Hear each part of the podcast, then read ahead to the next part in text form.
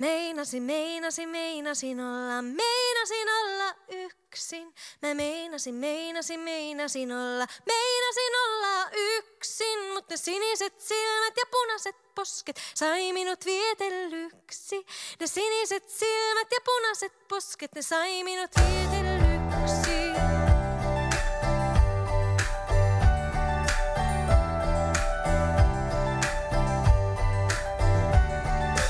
Kesä oli kuuma ja aurinkoinen ja juhannusruusut ne kukki. Se kesä oli kuuma ja aurinkoinen ja juhannusruusut ne kukki. Sillä pojalla oli hulivililuonto ja nauru sen... Heilu sæl, kæru hlustendur. Halla Harðardóttir helsar ykkur hérna og hljóðstofu Víðsjár miðvíkudaginn 1. november. Og það er þjóðlaga tónlistarkonan Maja Káhanen sem að syngur hér í upphafi þáttar en hún hlaut tónlistarverlun Norðurlandaráðs í gerkvöldi. Listsköpun Káhanen á rætur í tónlistarhefð Karelíu í Finnlandi en helsta sérkenni hennar likur í lifandi flutningi á mörg hljóðfæri sem einnar konu hljómsveit. Það var mikið um dýrðir á afhendingu verlaunana í gerkvöldi og auðvitað sérstaklega ánægilegt að sjá Rán Flíjanring hljóta barna og unglinga bókmæntaverlunin Þau hlaut hún fyrir bókina Eldgoss sem kom út í fyrra hjá Angústúru. Við óskum rán innilega til hamingi með þessa heldur betur verðskulduðu viðirkenningu og minnum um leið á að hún var gestur okkar hér í Viðsjá fyrir um tveimur vikum síðan í svipmyndarviðtali sem auðvitað hægt að nálgast í spilararúf. Og það er einmitt svipmynd á dagskrá í dag. Eh, það er svipmynda fatahönniði, Rögnu Sigriði Bjarnadóttur Ragnar var ráðinn fagstjóri í fatahönnun við Listahálskóla Íslands í sumar og er því nýtekinn við starfinu. Hún lærði mitt sjálf við sama skóla en fór utan til kaupmanafnar í framhaldsnám í fata- og textilhönnun. Eftir útskrift starfaði Ragnar við fæið í nokkur ári kaupmanhöfn og fekk þar heilmikla insýn í bransan. En eftir að hafa kynst danska fata-yðnaðinum og öðlast reynslu, fekk hún eiginlega nóa því að horfa upp á sóunina og grænþvottin sem á sér stað í fjöldaframlegslu á fatnaði. Hún ákvaði að flytja heim og sér ekki eftir því, meira um það í svipmynd dagsins. En fyrst er það bókarinni, en það eru jólabækurnar farnar að streyma hingað inn. Nú er það skaldsagan Armeló eftir Þórdísi Helgadóttur sem Kristín Marja Kristinsdóttir rínir í.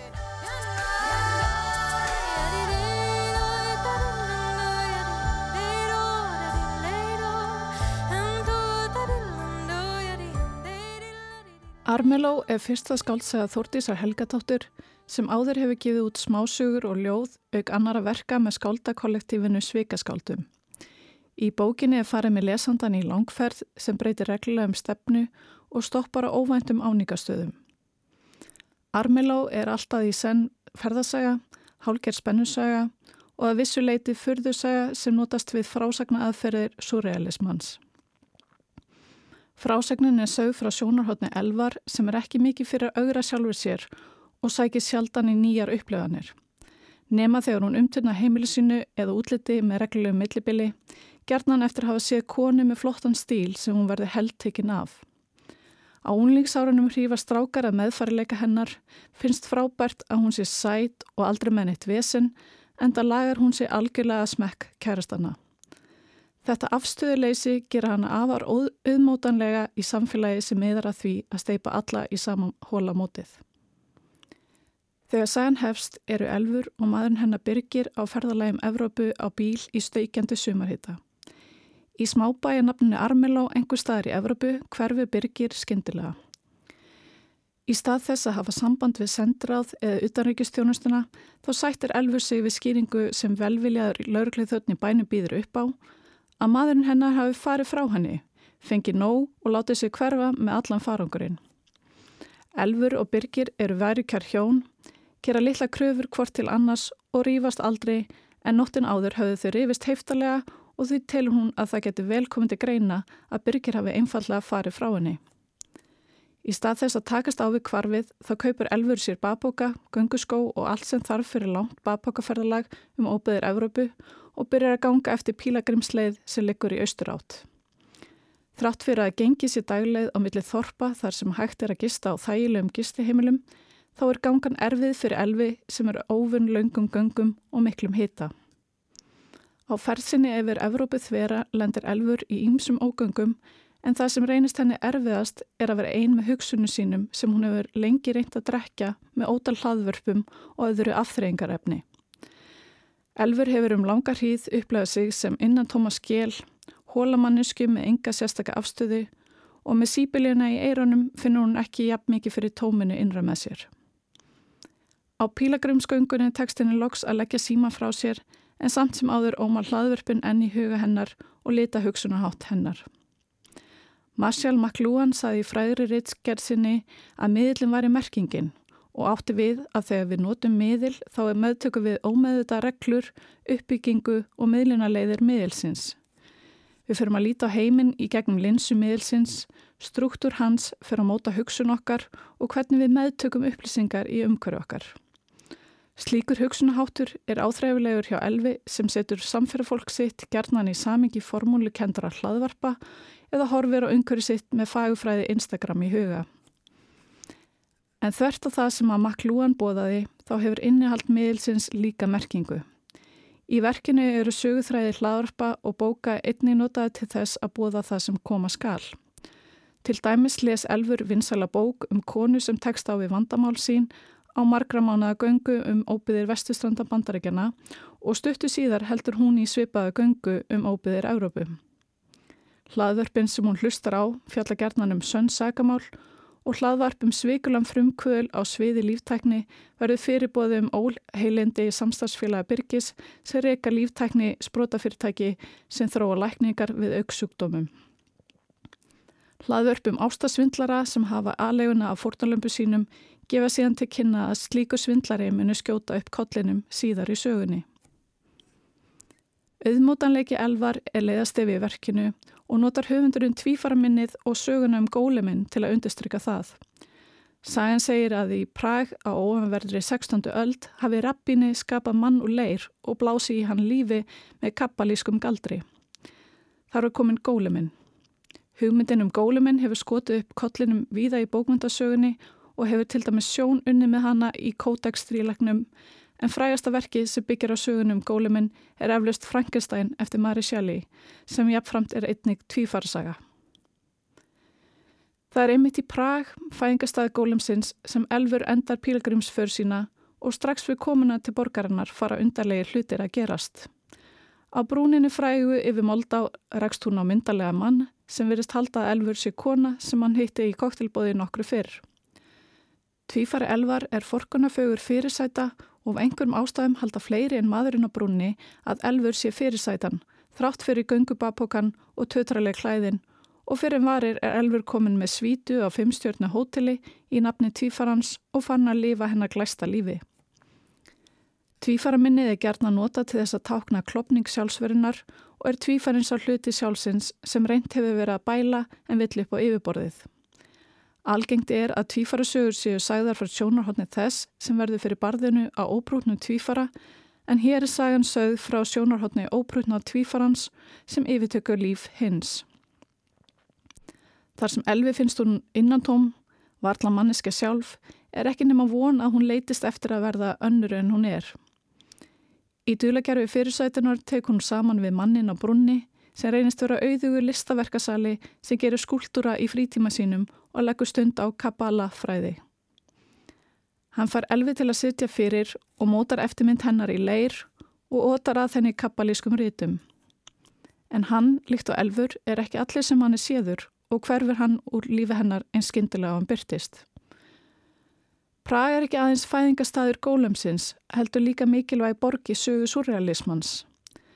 Surrealistani vildi afmá mörkin á milli draums og vöku, ímdunar og veruleika. Í Prag byrja mörkin á milli persóna að verða óljós, meðvindund elvar flakkar á milli og rennur saman við tífar hennar, en einni við aðra personur. Það er þannig sem hún kemst að því hvað varð um mannin hennar sem hvarf í Armeló og þótt ég hafi kunnað að meta innspýtingum fantasíunar inn í verkið þá þóttu mig þessi lausn vera heldur ódýr til þess að nýta lausa enda sögunar.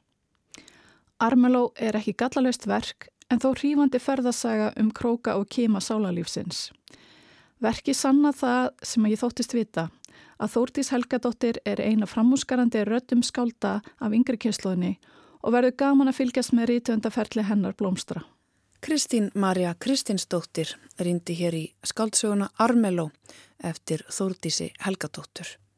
Og þá er komið að svipmynd dagsins. Ragnar Sigriður Bjarnadóttir, fatahönnur, var ráðinn fagstjóri í fatahönnun við Listaháskóla Íslands í sumar og er því nýtekin við starfinu. Hún lærði sjálf við Listaháskólan en fór utan til Kaupmannhafnar í framhalsnám í fata- og textilhönnun. Eftir útskrift starfaði Ragnar við fæið í nokkur ári í Kaupmannhafn og fekk heilmikla reynslu en eftir að hafa kynst danska fataðinaðinum fekk hún eiginlega nóa því að horfa upp á sóununa og grænþvottin sem á sér stað í fjöldaframlegslu á fatnaði. Hún ákvaða að flytja aftur heim, reyna fyrir sér hér og sér ekki eftir því. Ragnar ætlar er mitt meðal annars að segja okkur frá tískusýningu sem að fer fram á morgun sem er haldin í nýjunda sinn þetta árið í samstarfið Rauðakross Íslands en nefnendur skólans hanna og vinna fatalínu úr nótuðum fatnaði og textil sem Rauðikrossin útvegar. Og það er Ragnar sem að setur fyrsta lægið á fónin.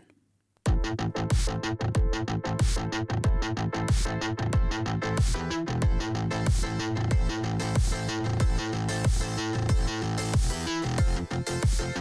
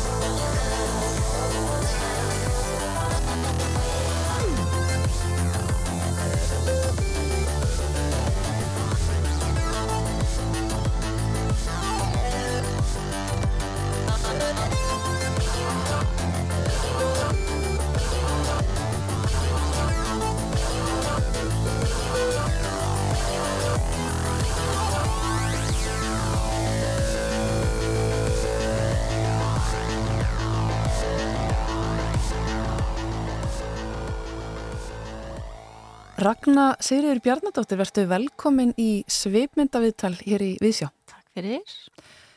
Það er þetta lag sem að Mhm. setti stemninguna. Já. Hva, hvað voru að hlusta á?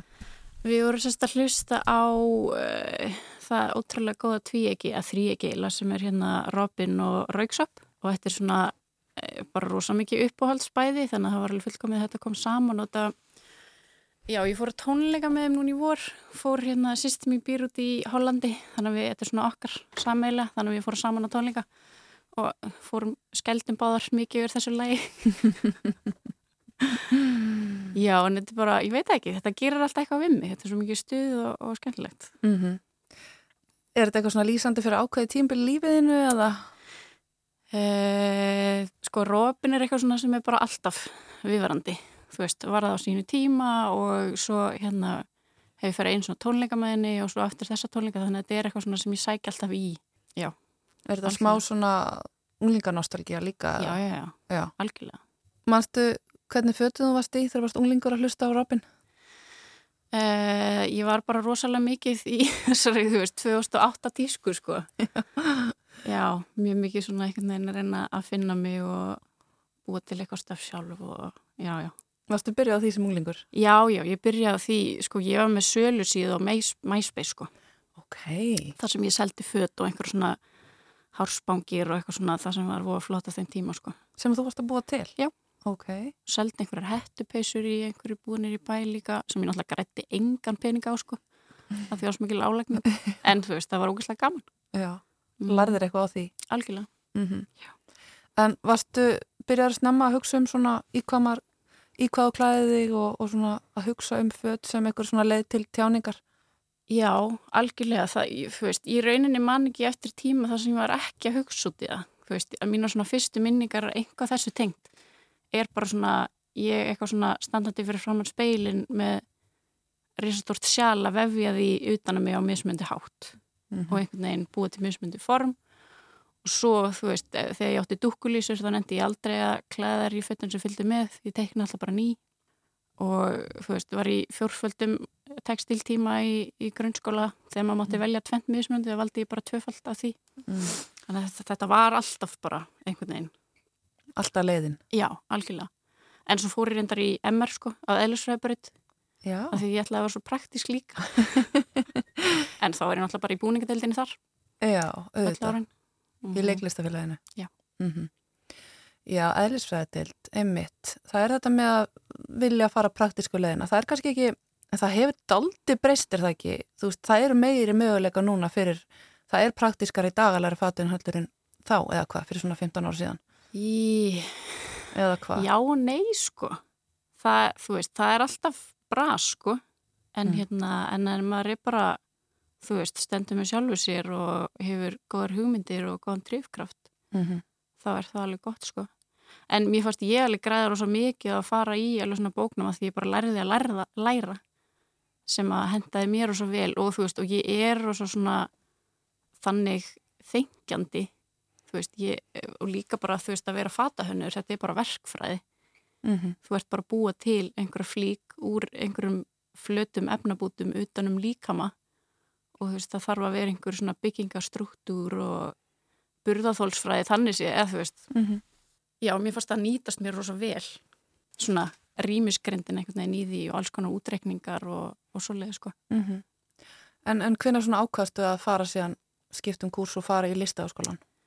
bara í rauninni beinti til útskrift draumar Mm. eða svona, ég var alveg, ok, heyrðu, klára bara stúdinsprófin og svo hérna þá fyrir sér sett í fornum í milliskólum í Reykjavík sem var rosa skemmtilegt það var meira náttúrulega sko listnám en samt bara ótrúlega gaman og ég gæti einhvern veginn tekið svolítið svona fata hönnuna vinkilin á verkefni þar og lærðir á svo mikið að svona tala um verkefnin og já, einhvern veginn vera svona svolítið sjálfkrítisk hvernig maður presentaraði sem Einmitt. ég grætti mjög mikið á.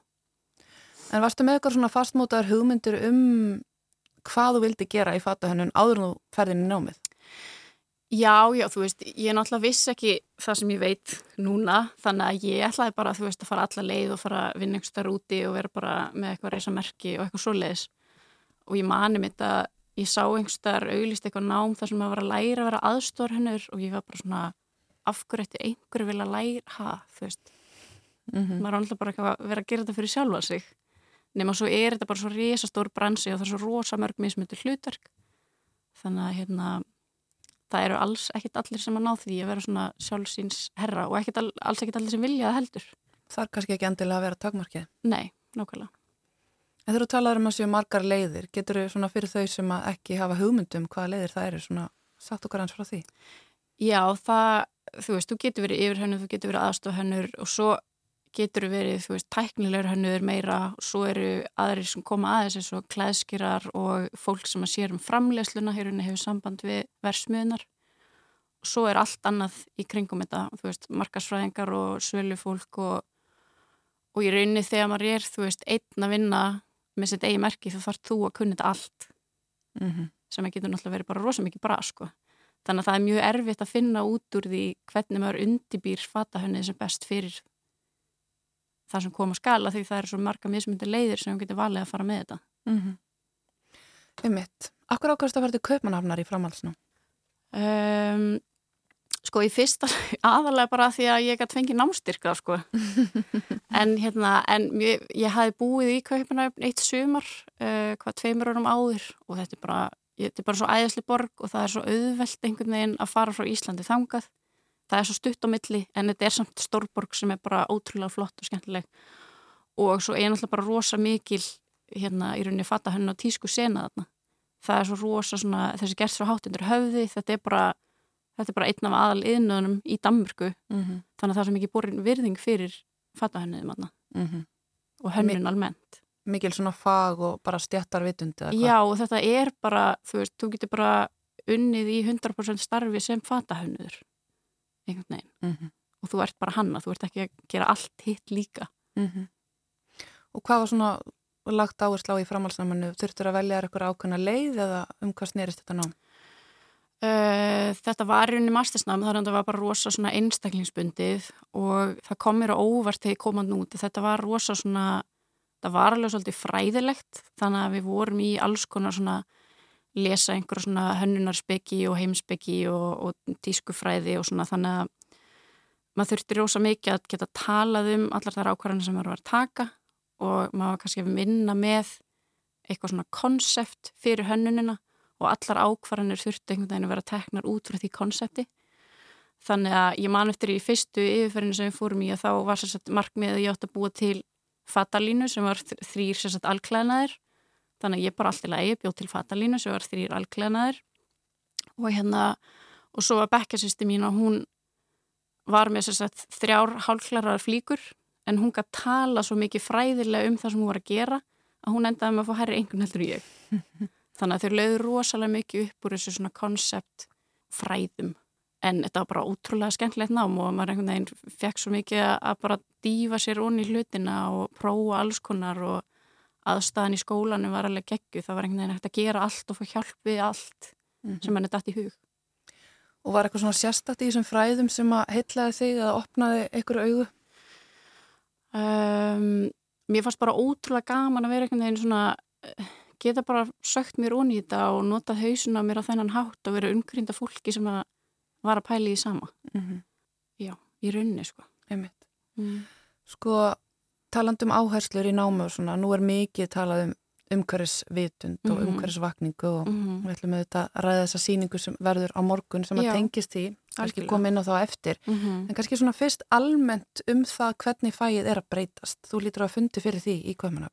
Já, algjörlega og það, þetta er líka búið að gerast rosa hratt að hérna þegar ég var að gera mastersverkanu mitt þá svona kom það inn bara svona á síðustu mánuðunum að þá áttu við einhvern veginn að það var eitthvað svona tilmáli frá skólanum að við áttum að taka aðstöðu til þessara hérna sjálfbarni markmiða samnið þjóðana uh, en það var svona eitthvað svolítið í hálfkáki við áttum einhvern veginn svona eftir og eitthvað svona já, herri, ég var að hugsa út í þetta, þetta markmið. Um, en núna bara, þú veist, þetta er að gera svo rosalega hratt og svo verð ég að vinna sem fata hennur úti og þá er alltaf svona, þá, maður fann að það var miklu meiri pressa frá öllum til þess að vera hugsa út í þessu hluti. Mm. en það gerist svo hægt og það er svo mikið þannig að yðnaðurinn er svo mikið svona í þessu greenwashing að þú veist, klappa sjálfur sér á baki fyrir að gera eitthvað svona pínulítið skref Já, grænþótturinn. Já, í staðin fyrir að bara svona, herði við þurfum bara að gera þetta öðruvísi og það gengur ekki að gera bara business as usual eins og við erum búin að vera að gera. Mm. Og Mhm. mér finnst núna bara, þú veist, bæði áherslunar í skólan, skólanum er allt öðru sér, mastersnámi sem ég verið núna, það er núna allt öðru uppbyggt, það er miklu meira með þessu og maður finnur líka bara hvað nemyndur eru miklu meðvitaður um þetta. Mm Þetta er annur kynsluð. Þetta er allt annað sko, já. Mhm. Og þó að þú veist, ég útskrifast fyrir, hvað, nýjarun síðan, Mm -hmm. úr, úr bíanóminu sko, í listafaskólinu. Þannig að þetta er, þetta er rosa hrjöð breyting einmitt. og þörf breyting. En nú ert þú búin að vera á þessu og einmitt starfa við hennan yðnað í Danmörku sem er svona land sem að þetta er mjög viðkend stjætt eins og er.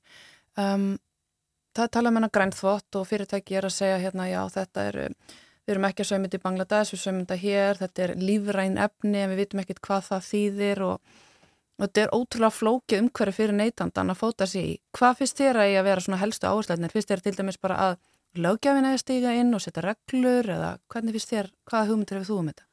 Uh, ég held að það verði að vera löggjöfin sem stígur inn af því að þetta á ekkert eftir að breytast annars.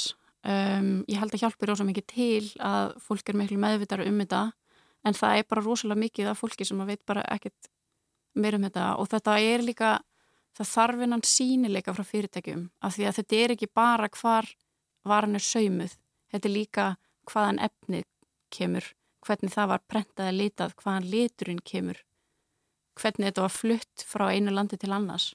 Þetta er svo rosalega keðja þannig að það þarf bara að vera sínileiki gegnum þessa keðju og það þarf að vera hvetjandi fyrir fyrirtæki til þess að segja frá þessar keðju hjá sér sem að mjög margir er að gera um, en það er ekki svona standard viðmið.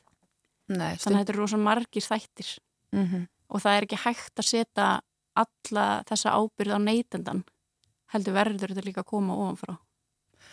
Segð mér aðeins frá því þegar þú stígur inn í hennan yðnað í, í Danmörku, þegar þú, hvað fórst að starfa við? Þú fórst hérna að starfa hjá frekar stórum tískuhúsum eftir að útskrifast úr þessu framhalsnámi.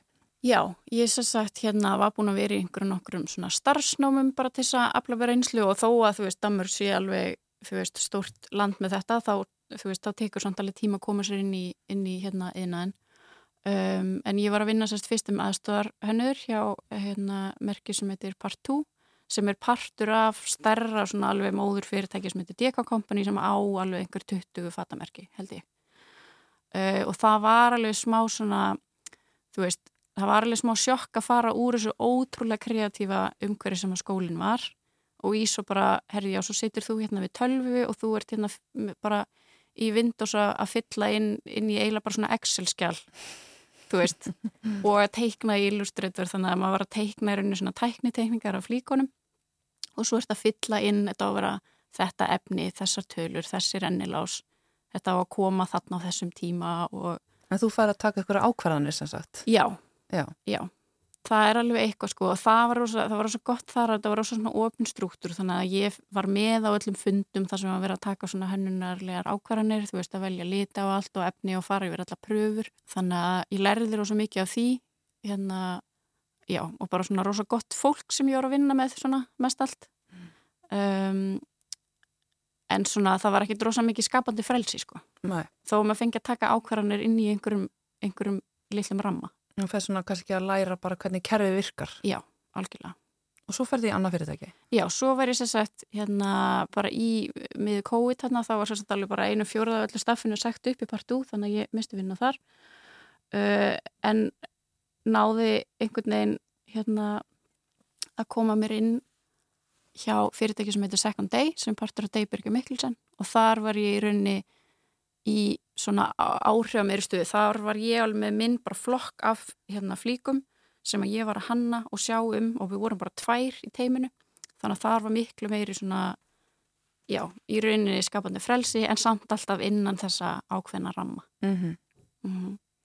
Einmitt. Þannig að þeir eru liðið vel þar en samt ákveður að pakki töskur og fara aftur til Íslands? Já, ég var sko, bæði var ég búin að vera í, hérna, ég fór á þeim tíma í fæðingarálof og það var COVID og hérna, já, maður bara saknaðis einhvern veginn að, að hafa ekki fólkið sitt nálat sér og og þetta var líka spila alveg inni, ég var búin að vera alveg í raunni einhver tíma, í raunni bara eftir útskrift eftir að ég kom inn í hennan bransa eins og hann er, að það var eitthvað svona aftast í hausnum á mér sem var eitthvað svona þetta er, þú veist þetta er eitthvað skrítið, ég get ekki alveg staðið við það sem ég er að gera, þetta er rosa gaman það er gott fólk hérna. En það er eitthvað já, það var eitthvað að segja mér og svona ég þurfti að breyta til. Og, og það betur... passaði bara rosa vel að flytja heim og einhvern veginn finna út úr því þar. Já, en veistu betur í dag hvaða tilfinning þetta var? Hvað var skrítið? Já, þetta var bara þetta að veist, það er ekki hægt að halda áfram með business as usual mm -hmm. og mér langar ekki að vera eitthvað pínlítið tannhjál í því Einmitt, komum betur inn á það þegar við erum búin að heyra næsta lag mm -hmm. Hefur ekki sett það á fóni núna? Jú, endla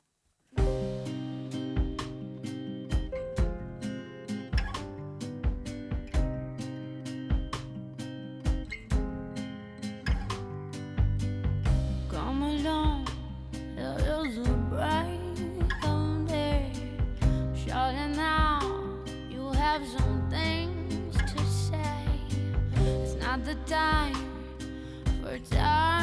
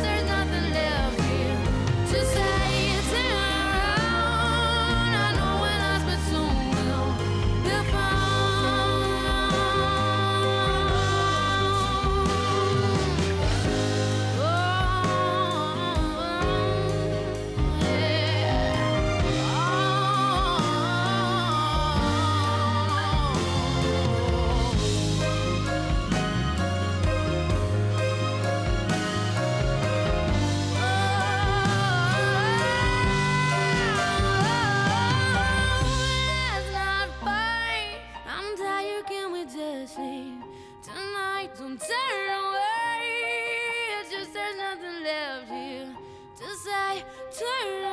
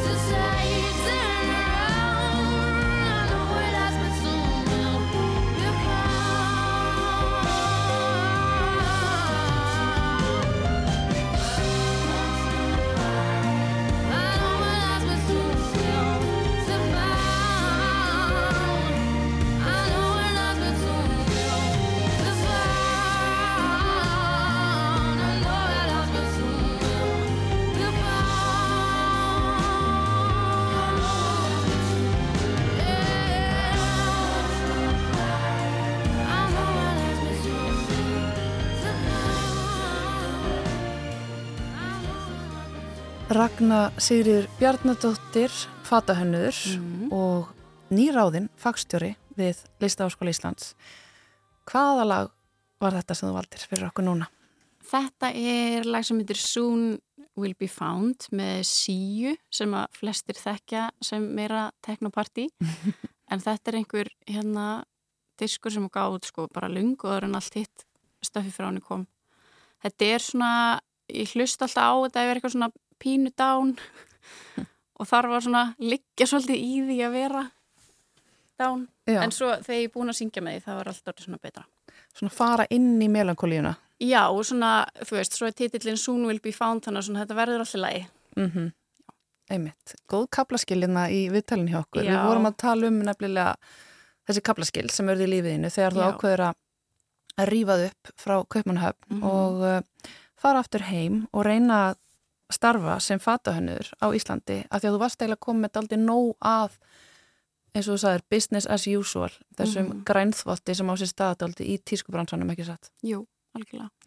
En hvernig var að stiga síðan á land hér og vita ekkit hvað var í framöndan? Það var alveg mjög erfitt, sko. Þetta var alveg töff tímabil og hérna, einhvern veginn að vita ekkit út í hvað maður var að fara. Ég var alveg með einhverjar hugmyndir. En þú veist, svo var ég alveg líka bara komin í einhvern massa sjálfseifa bara, heyrðu, og ég kannski bara eitthvað skrá mig eitthvað námi upp á nýtt og ég ger eitthvað allt annað. Um, en svo, hérna, já, ég hef einhvern veginn alltaf hugsa svona sætt að þú veist, það gerist ekki neitt nema að gera eitthvað sjálfur. Þannig að maður verður ósað mikið að smá pota sér og koma sér og hérna, það hefur alveg oft reynst mér vel og ég er oft eftir á svona eitthvað, já, bara, þú þorði bara þessu og ringja bara þangað og einhvern veginn. Þannig að hérna, ég hafði þess að bara rétt eftir að við flyttum heim eða áður þá bara ringdi ég hérna Hildi Jómann, ég, hún hafði verið að kenna mér áður og ég var í starfsnámi hjá henni líka fyrir lengur síðan og hérna, og bara spurði hana, hæ, ég er að flytja heim, vantar þig einhvern sem að getur gert eitthvað. Og þá akkurat var hérna, eins og var að vinna í henni að fara í fæðingarólof. Þannig að það var svolítið langar aðdraðanda þessu, þannig að ég flytti heim í mars og byrjaði þar í ágúst, þannig að ég verði í nokkra mánu þarna í einhverju svolítið limbo, sko. En svo í ágúst þess að byrjaði ég hjá, hjá henni og var þar svona að hjálpa til með hennuna og í rauninni halda utan um alla framleysluna Mm -hmm. og það var eitthvað sem að mér fannst það svo gott að læra líka því ég hef verið út í Danmörku meiri bara sko hönnunamegin en þarna þurfti ég að stíga inn í líka að vera að tala við versmiður, tala við framlegenda og finna út úr allir svona lógistíkinni þannig að ég lærið rosa mikið að því líka. Og leiðir þar eins og væri stíðin inn í einhvers konar umhverfi sem að væri svona heðalega gagvart plánutinu eða hvað? Já, einhverju leita því að þar er, þetta er bara svo í rauninni miklu minni skali heldur en hérna að ég var í rauninni að vinna í, það var miklu fleiri flíkur framleitar hjá þessum merkjum sem ég er að vinna hjá úti. Og hjá Hildi þá er þetta meira, þú veist, það er svo mikið lagt upp úr hennunni hverri flík. Þannig að þú veist að þú veist mannskinn sem kaupir þetta er að fara að halda mikið upp á flíkina. Og það er líka, þú veist þó að flík sé ekki gerð úr þú veist 100% lífrætni bómull þá ef þetta er flík sem er að fara að nýtast þér og þú veist fara að nota það svo ofta að halda upp á hana þá er það rosa mikill plús. Margt sem að spilar inn í þetta ferli. það er rosa margt sem spilar inn í þetta ferli algjörlega Einmitt. Kanski þurfum við líka bara einmitt aðeins að fara svona gringa á fattaskaparum okkar og velja okkur vel flíkurnar. Ég, 100% sko og líka bara að kaupa notað og veist, kaupa eitthvað sem er í betri gæðum og nýtast betur og aftur að nýtast einhverjum öðrum betur og þó maður sé að kaupa dýrar flíkur þá ég hugsa þetta svo mikið þannig að veist, ég eigði kannski meiri í einhverja flík en ég hef þá svo tryggingu á að ég get selt hann áfram Einmitt. Og ég hef alveg nýtt mér það rosa mikið Mm -hmm. ef ég þarf að, hérna, ef mér finnst ég þurfa að skipta út Það er þetta ringrásarhagkerfi sem er að koma mjög stærst inn. algjörlega, bara rosa mikið bæðið með svona í rauninu endursölu fötum en líka með svona fata leigu sem ég finnst líka bara að vera algjör snild sko Mm -hmm. og hendar líka rosa mikið fólki sem er kannski að vinna meira með einhver svona uník flíkur þannig að það er bara ótrúlega mikið spennandi í gangi því Mhm. líka Sko, þetta verkefni sem er að fara í ganga morgun, þessi tískusýning sem að allir geta komið að sjá, mm sem að er orðin bara viðbyrður hjá okkur listafaskólanum. -hmm. Hann endurspeglar auðvitað allt þetta sem við erum að tala um. Algjörlega. Það sem er sérst, uh, þetta er sérst samstarfsverkefni á milli listafaskólanars og fatasöfnar Rauðakrossins og þetta er sérst annarsásnefndur sem að fara bara niður í rauðakrossin og fá að skoða allt sem er þar, kemur út úr fatagámanum sem bara fólk er að- setja í. Uh, og þau velja úr þannig að allur efni viður í öllum fötunum sem þau eru að sína á þessu síningu kemur frá fatasöfni rauðakrossins.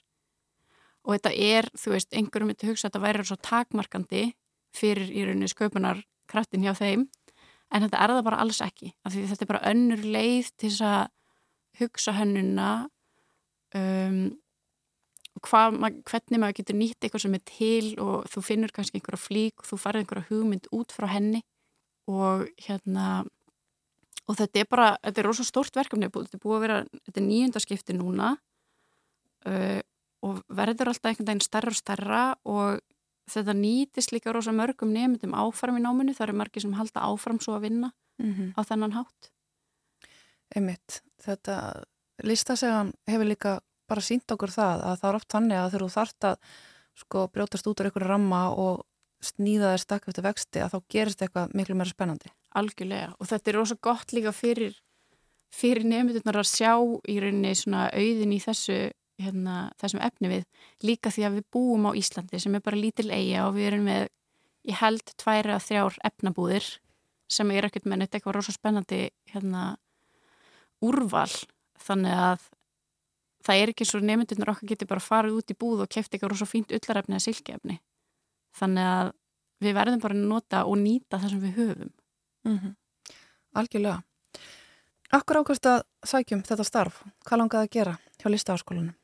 Mér finnst bara rosa spennandi að vera einhver nefnendur og ég hef alltaf einhvern veginn hugsað að svona draumastarfi mitt væri bara að vera í námi eða eilfu. Af því að mér finnst bara ótrúlega gaman að læra og mér finnst gaman að vera í kringum fólk sem hugsa eins. Þannig að, hérna, og ég var búin að vera eitthvað pínu stundakennari hjá listaháskólanum eftir að ég flutt heim. Og hérna, og mér, fann, mér finnst þetta bara svo ótrúlega gaman að vera einhvern veginn í þessu samtali við nefnendur og fá að einhvern veginn að koma með eitthvað kveiki hjá þeim. Þú veist, kannski benda mig á að sko einhvern listamann, lesa einhverja bók og það færi þá einhvern veginn áfram. Um, þannig að það var aðalega svona kennslan sko og ég náttúrulega sótti um þetta starf sem bara að vera hérna að kennari. En svo mætti ég viðtala og það var þetta fyrir fagstjóra og svona, já, ertu ekki alveg til í það? Ég svona, jú, jú við skulum bara sjá hvernig það gengur. Þannig að, en það er búin rosa gaman sko, þetta er ótrúlega spennandi og einhvern veginn engi dagur eins og Mm alls konar verkefni en það, það hendar mér rosa vel. Þú stefnir greinlega á að vera svona í samtali við nefnendur og, og fara þessa leið að þetta ringrásarhækjarfi og endurvinnslan og, Já, og bara svona hugsa algjörlega. um plánutuna. Já, líka bara einhvern veginn undirbúa nefndunar á sem bestan hátt fyrir framtíðina, hvað sem það er með áframhaldandi nám eða hvað sem það er að vinna fyrir sjálfsið eða einhvern annan, þannig að það er alveg svona, þú veist, einhver, einhver svona lærdumur sem ég fekk í gegnum, þú veist, mastersnámið og líka bara í vinnunni sem að ég hugsaði það hefur verið rosa gott að kunna þetta betur í náminu, þannig að ég er svona að reyna að hugsa að því ég náttúrulega sjálf var í bíanáminu í listaskólanum, svona ok, hvað er það sem mig vantaði Mm -hmm. og það er bæði í rauninni svona tæknileg kunnóta að því að maður þarf alltaf að hafa einhverju svona basic tæknilega kunnóttu uh, og svo er það þessi hugsun að ok, hvernig get ég nýtt það sem ég hef þessi ringrása hugsun Mm. Svo er það líka þetta hvernig ætla ég að lifa af. Já, algjörlega, það er alveg það er alveg mjög stór hérna, punktur í þessu líka og já, já, það er, það er ekkit best launaða starf í, í að vera fatahennur, það getur verið rosa gott sko, en þetta nám getur líka bara nýst manni í alls konar hluti, það er alls ekkit allir sem að voru á saman tíma og ég í listarskólum í fatahennur sem er að vinna við í dag en þetta er bara, þetta kennir er svo rosa mikið að hugsa um þitt svona þinn svona, þitt svona fagurfræði, þína fagurfræði, kennirinn á það, kennir er þess að gaggrinu hugsun að geta tekið skapandi ákvarðanir. Mm -hmm. Þannig að það Svo- nýtist bara í alls konar. Og svo er eins og sagði áðan það þýðir ekkit að hugsa bara um praktíska leðina. Nei, nei, nei, nei, Það- alls ekki, það var bara hundleðilegt sko. Mm -hmm. Mér langar að spyrja östut í lokin, um, hvernig er fataskapurinn þinn? Hann er, hann er ekkert rosa stór. Ég er svona, ég er alveg dugleg að skipta út og þá dugleg í rauninni að, já, kaupa inn notað. Um, hann er bara, hann er rosa þægilegur. Ég, þetta er meira svona, hvað ég segja, eitthvað þægilegt, hugsa rosa mikið út í snið, hugsa rosa mikið út í efni. Um, ég á náttúrulega tvö lítið börn, þannig að það þarf líka að vera praktik í þessu sko. Ég var að kaupa mér hvíta úlp um daginn sem er svona eftir að higgja var ekkert rosa sniðugt með skítu og pollagalla og svona. Um, en ég er rosa spennt núna því að eh, ég hefur reyna vera að vinna hjá fata fyrirtækjum núna alveg síðan ég var sko tvítug. Og maður litast alltaf svo mikið af því sem er í kringum hann. Þannig að þú veist, það hefur verið rosa breytilegt svona gegnum ára með hvar ég var að vinna hverju sinni. Auðvitað er einhvern svona basic stíl sem er bara minn uh, en það hefur svona valist úr svona aðeins meira einhver átt og einhver átt þannig að ég er rosa spennt núna að vera ekki að vinna hjá neinum Mm -hmm. og svona sjá hvað svona þegar ég sjálf fæ að velja. Og það er alveg búið að vera þannig svona síðasta, síðustu tvö árin svona er ég, er ég búin að vera meira þannig. Þannig að mér finnst ég núna vera meira svona einhvern veginn að kvíla í, í mér og mínum fattastíl mm.